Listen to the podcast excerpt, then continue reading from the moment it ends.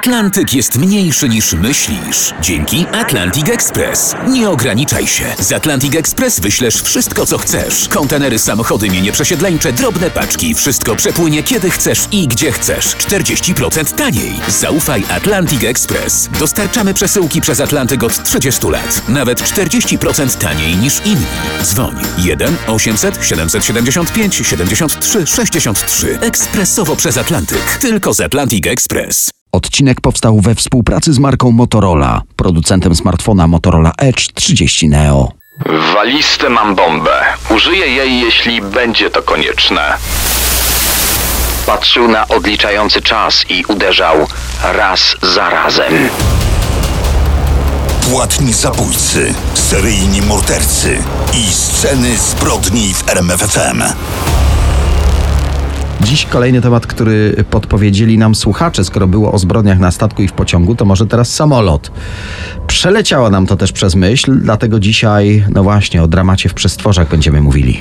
I samoloty to według statystyk jeden z najbardziej bezpiecznych środków transportu pod szczególnym nadzorem, a jednak zdarzają się tam i wypadki, i zbrodnie. Najgłośniejsze ze zbrodni to oczywiście World Trade Center, ale dziś powiemy o innych tragediach na mniejszą skalę, ale również szokujących. A propos tragedii, dziś będzie o wypadku, który stał się przyczyną brutalnego morderstwa. Już za moment tragedia nad Jeziorem Bodeńskim. A później także sprawa D.B. Coopera. Elegancki mężczyzna uprowadza samolot, wymusza okup i wyskakuje ze spadochronem z lecącej maszyny. Kim był ten porywacz? To do dzisiaj pozostaje tajemnicą. Tym razem złamiemy trochę zasady, na które często się powołujemy w naszych programach i podcastach. Te historie opowiemy nie po kolei. Przeciwnie, zaczniemy od jej ostatniego rozdziału. Jest końcówka lutego 2004 roku. Szwajcaria, Kloten, przedmieścia Zurychu, to właśnie tu znajduje się jedno z największych lotnisk w Europie. Przed domem kontrolera lotów Petera Nilsena, Duńczyka, zjawia się Rosjanin Witalij Kałojew. Peter Nielsen ma 36 lat, mieszka tu z małżonką, z ich trójką dzieci. Witalij jest wdowcem. Ich spotkanie nie jest przypadkowe. Kałojew kręcił się po okolicy przez kilka ostatnich dni, uważnie obserwując tę konkretną posiadłość i jej mieszkańców. Widział Petera na zakupach, rozmawiającego z sąsiadami, widział jak prowadzi dzieci na plac zabaw. Zdecydował, że zamorduje te dzieci, że zamorduje również żonę Petera. Jego samego oszczędzi, by cierpiał po stracie jego najbliższych. Przystąpił do realizacji planu wieczorem 24 lutego 2004 roku. Upewnia się jeszcze u jednego z sąsiadów, czy ten adres to na pewno dom Nielsenów. Wszedł do ogrodu i po prostu tam stał.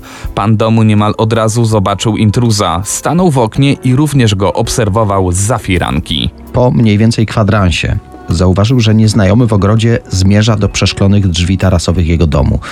Postanowił mu otworzyć, trochę zaintrygowany tym dziwnym zachowaniem mężczyzny. I to była najgorsza decyzja, jaką mógł podjąć. Mężczyzna zaczął krzyczeć do niego coś po rosyjsku na zmianę z hiszpańskim. W jednej ręce trzymał jakieś zdjęcia, drugą rękę włożył do kieszeni i wyczuł dłonią rękojeść składanego noża. Duńczyk niewiele zrozumiał, ale wyczuł wrogi ton głosu tego obcego. Wystraszony pchnął go, wytrącając mu przy tym fotografię z rąk.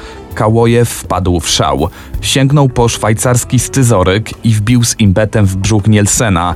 Zamachnął się tak mocno, że ostrze wbiło się aż po rękojeść. Furii miał taką wielką siłę, że wręcz podrzucił Duńczyka do góry. Po pierwszym ciosie Rosjanin włączył odliczanie na zegarku. Ustawił 6 minut i pokazał to Duńczykowi. Ten mocno krwawił, nie rozumiał, co się dzieje. Zaczął błagać, by nieznajomy darował mu życie. Ale Witalij Kałojew zadał kolejny cios nożem. Nie śpieszył się, patrzył na odliczający czas i uderzał raz za razem. Zadał w ten sposób, nie śpiesząc się, 12 ciosów. Tych ostatnich Duńczyk już nie czuł. Nie doczekał momentu, w którym zegarek skończył odliczanie. Nie żył. Napastnik wyszedł z posiadłości. Zakrwawiony nóż po prostu wyrzucił, tuż po wyjściu z domu Nielsena, nie dbając o to, że policja na pewno przeszuka okolice i znajdzie narzędzie zbrodni. Kałojew nie uciekał, po prostu odszedł. Śledczy zebrali zeznania sąsiadów i rodziny Nielsena. Wszyscy świadkowie powtarzali, że mężczyzna zachowywał się dziwnie, że mówił z wyraźnym wschodniosłowiańskim akcentem. Następnego dnia policja już wiedziała, o kogo może chodzić. Zatrzymano Rosjanina w jednym z hoteli. Nie przyznał się do winy, ale śledczy nie mieli wątpliwości, że to zrobił i wiedzieli, dlaczego to zrobił. No właśnie, co wiedzieli policjanci o napastniku? Co było na fotografiach, które pokazywał kontrolerowi lotów i dlaczego napastnik zmienił zdanie i jednak oszczędził rodzinę Nielsenów, a zamordował jedynie Petera? Żeby zrozumieć, co sprawiło, że Rosjanin zamordował Duńczyka w jego domu w Szwajcarii, cofamy się jeszcze bardziej o kolejne półtora roku. Jest 1 lipca 2002 roku. Słynne moskiewskie lotnisko Domodjedowo. Swietłana Kałojewa wraz z dziećmi Dianą lat 4 i Kostią lat 10 spieszą się na lot do Barcelony. Korzystając z wakacji, lecą do przebywającego w Hiszpanii Witalia, męża Swietłany. Długo się nie widzieli. Witalij Kałojew jest wziętym architektem, aktualnie na kontrakcie zagranicznym już od dwóch lat. W 99 podpisał kontrakt na wybudowanie pod Barceloną domów dla imigrantów. Rodzina tęskni za sobą, a on zaplanował dla nich idealne wakacje. Morze Śródziemne, hiszpańskie plaże, piękne słońce. No właśnie, rodzina na co dzień mieszka we Władykaukazie, największe miasto północnej Osetii, 35 km od granicy z Gruzją, 650 km do wybrzeża Morza Czarnego. Ze względu na tę odległość nie mogli bywać nad morzem tak często jak chcieli. Tu mieli mieć najpiękniejsze wakacje życia. Architekt nie widział rodziny od 9 miesięcy. W dodatku żona i dzieci mieli być u niego już kilka dni wcześniej. W ostatniej chwili okazało się, że dokumenty, których potrzebowali, nie zostały przez urzędników wydane na czas.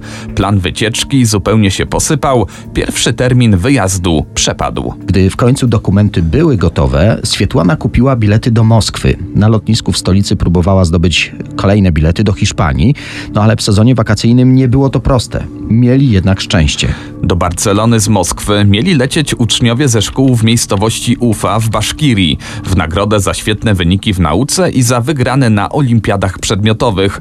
Dzieci też miały duży kłopot ze swoim lotem. Agencja turystyczna organizująca ich wycieczkę pomyliła lotniska. Nie wpuszczono ich na pokład samolotu rejsowego. Ale to jest Rosja. Jako, że dzieciaki należały do rodzin prominentnych urzędników, byłaby no, spora afera, dlatego załatwiono im lot czarterowy. Podstawiono samolot Tu-154. Miał tego dnia nie latać, a jednak udało się skompletować 9 osób załogi. W samolocie były 52 miejsca dla pasażerów. Idealnie by zmieścili się tutaj utalentowani uczniowie. I znów coś poszło nie tak.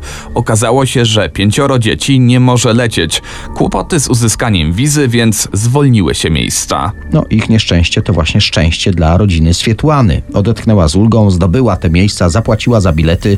Gdy siedziała w samolocie, myślała już tylko o tym, że za kilka godzin ona i jej dzieci zobaczą się z mężem, z ojcem. A jednak kolejne opóźnienie. Lot będzie długi, na pokładzie dzieci, a do luku bagażowego w tym całym zamieszaniu nie załadowano posiłków dla pasażerów.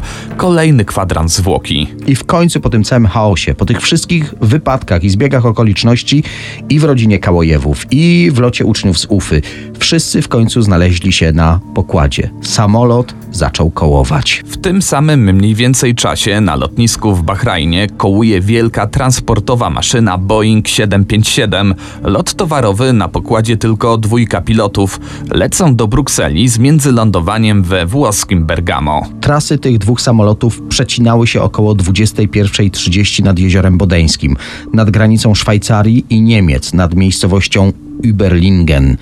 I właśnie tu zdarzyło się coś, co się nie powinno zdarzyć. Te maszyny zderzyły się w powietrzu. Kontrola lotów powinna wyłapać, że lecą na kursie kolizyjnym, ale tu kolejne zbiegi okoliczności. Na wieży powinno być dwóch kontrolerów, jednak jeden z nich wyszedł.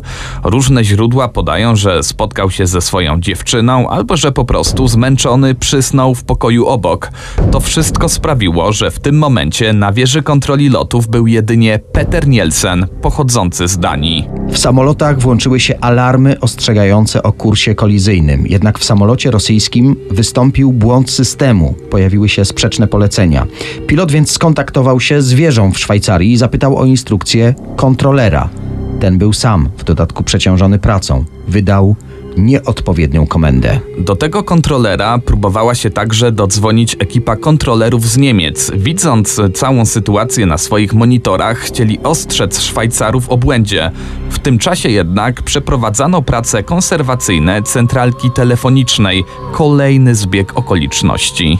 1 lipca o godzinie 21.35 linie kursów czarterowego Tu-154 i towarowego Boeinga 757 przecięły się i w jednej sekundzie maszyny zniknęły z radarów. Nasi słuchacze już się domyślają związku pomiędzy tą tragedią w powietrzu nad jeziorem Bodeńskim, a późniejszym morderstwem na przedmieściach Curychu. Wracamy do 1 lipca 2002 roku. O 21.35 wskutek zbiegów okoliczności i błędów doszło do zderzenia dwóch samolotów nad jeziorem Bodeńskim.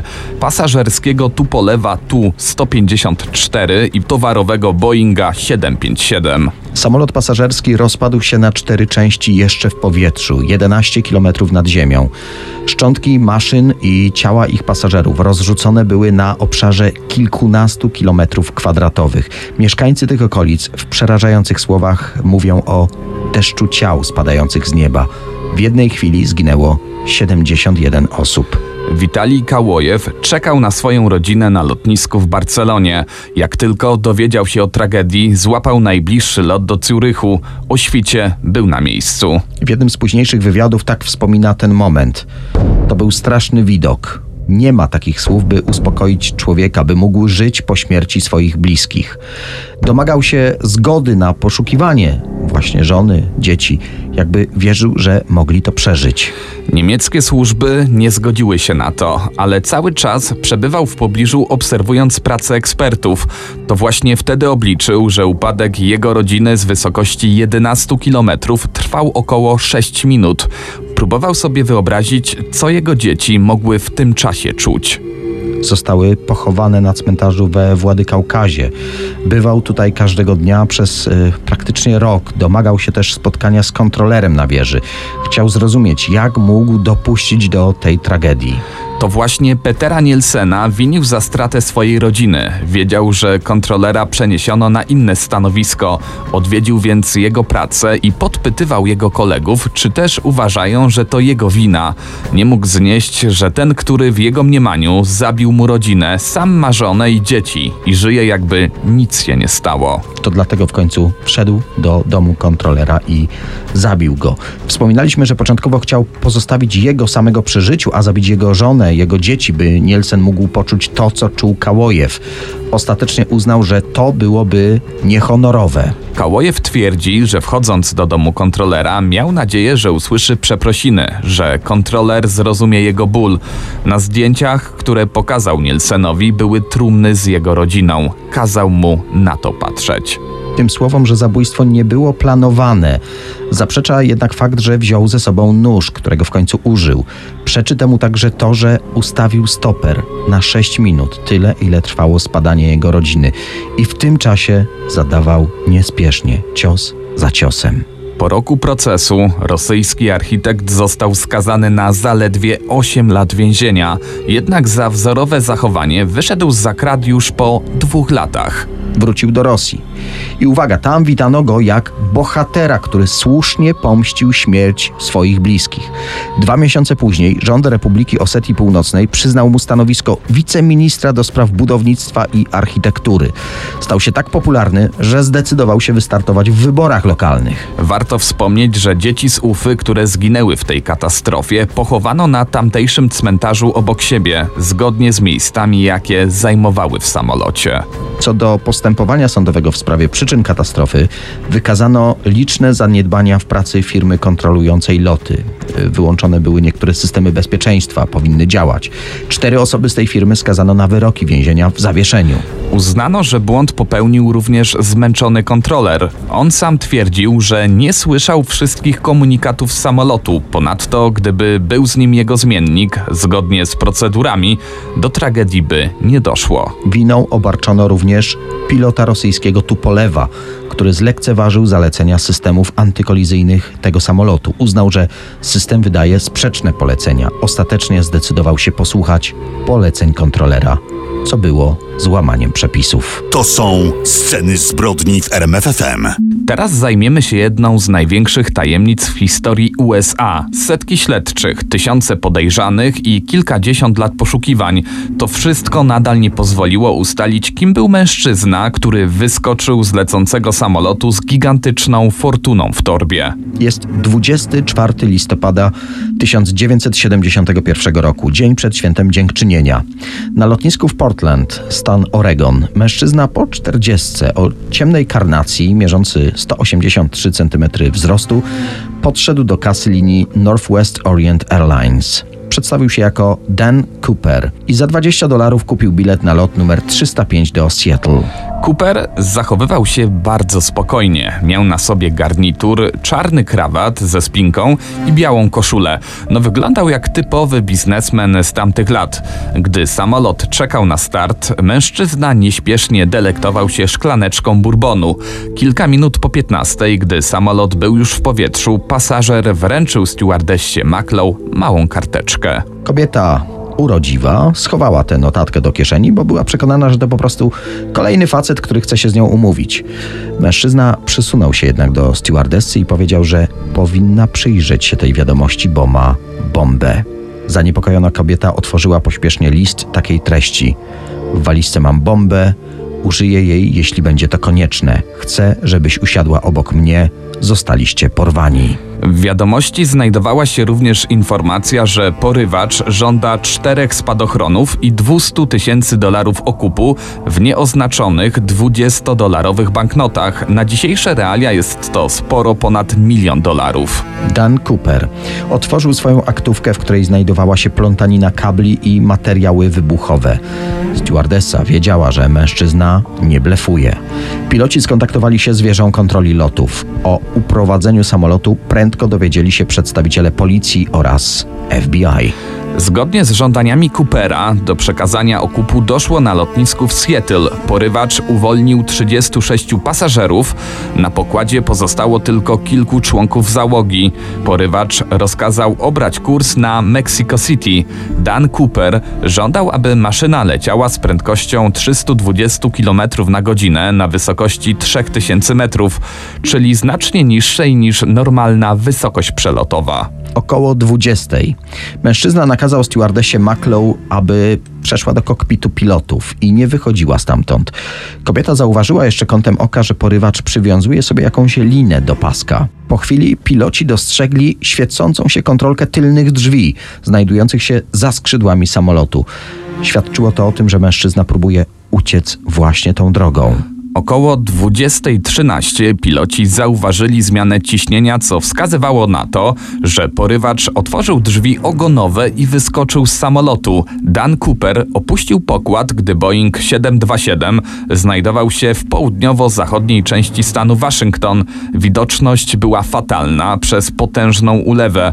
Uprzejmy porywacz przepadł więc bez śladu. I właśnie w tym momencie rozpoczęło się jedno z największych śledztw w historii Stanów Zjednoczonych.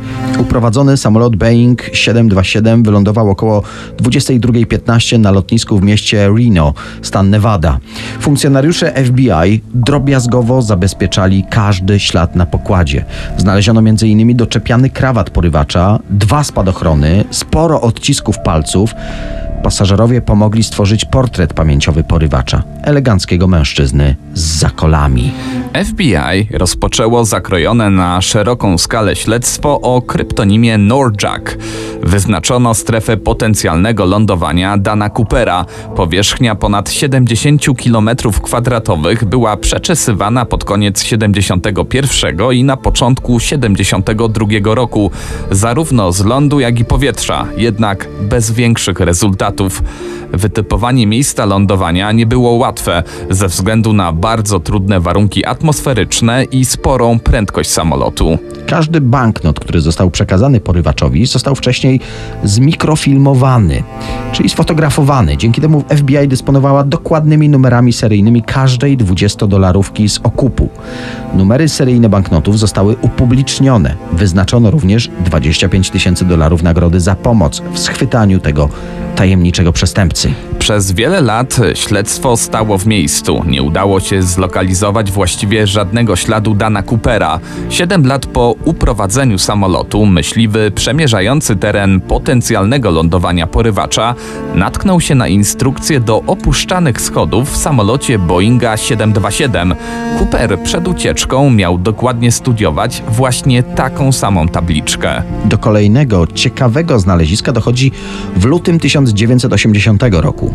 Około 15 km od Vancouver w stanie Waszyngton, ośmioletni chłopiec wraz z rodzicami urządzał piknik nad rzeką Columbia.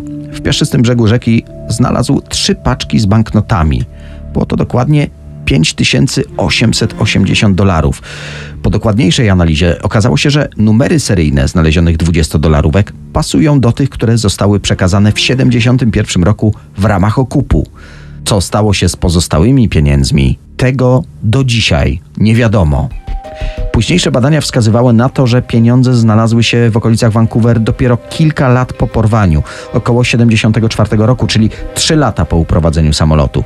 Prawdopodobnie paczka z gotówką została zabrana przez nurt mniejszych cieków wodnych. Spora część badaczy uważa, że mężczyzna podający się za Dana Coopera nie przeżył skoku ze spadochronem. Odczuwalna temperatura na wysokości, z którą leciał samolot, wynosiła około minus 50 stopni. Mężczyzna był ubrany w garnitur i lekki płaszcz. Do tego bardzo silny wiatr, lesisty teren, na którym miał wylądować nocą, to wszystko wskazuje na to, że oddanie bezpiecznego skoku było skrajnie trudne. No właśnie, skrajnie trudne, ale jednak możliwe. W scenach zbrodni coś, co nasi słuchacze lubią najbardziej hipotezy związane z tą sprawą. Prześledzimy najpopularniejsze hipotezy wskazujące, kim mógł być ten porywacz. Pod koniec 2007 roku, dzięki materiałowi genetycznemu zabezpieczonemu na krawacie, częściowo zrekonstruowano DNA porywacza. Natomiast zespół społecznych badaczy znalazł na krawacie Coopera cząsteczki dość nietypowych metali. Najciekawszym odkryciem był niestopowy tytan, który w latach 70. był bardzo rzadko wykorzystywany. Stosowano go tylko w fabrykach produkujących samoloty lub w specjalnych zakładach chemicznych. Stąd hipoteza, że porywacz pracował dla Boeinga albo dla firmy powiązanej z tym przedsiębiorstwem. Dlatego też Dan Cooper miał szczegółową wiedzę na temat budowy i możliwości technicznych porwanego samolotu samolotu. Przejdźmy teraz do podejrzanych. Pierwszą ciekawą osobą w tym zestawieniu jest John List. Mężczyzna zamordował swoją rodzinę 15 dni przed porwaniem samolotu Northwest Orient Airlines. List był bardzo podobny do Dana Coopera. Przed zbrodnią wypłacił z konta matki 200 tysięcy dolarów, czyli taką samą kwotę, którą zażądał porywacz samolotu. John List nie przyznał się do uprowadzenia maszyny i nie był już dalej na liście podejrzanych. Kolejna hipoteza dotyczy Richarda McCoya Jr. Mężczyzna łudząco podobny do portretu pamięciowego porywacza Boeinga 727. McCoy cztery miesiące po wyczynie Dana Coopera również uprowadził samolot. Zastraszył załogę atrapą granatu, pistoletem, przekazał stewardesie karteczkę z żądaniem 500 tysięcy dolarów, prosił o dostarczenie czterech spadochronów, wyskoczył z samolotu, wykorzystując wysuwane schody i do tego przeżył.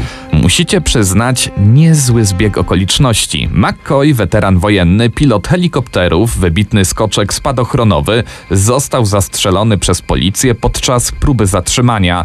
Bardzo popularna jest teoria, że Richard McCoy Jr. i Dan Cooper to ta sama postać. Kolejny podejrzany. Niejaka Joe Weber informowała, że jej mąż Dwayne Weber przyznał się na łożu śmierci, że to on jest tym tajemniczym porywaczem. Pismo mężczyzny również miało pasować do tego z notatek, które przekazywał stewardessie Dan Cooper, jednak odciski palców i profil DNA z krawatu zupełnie do porywacza nie pasowały.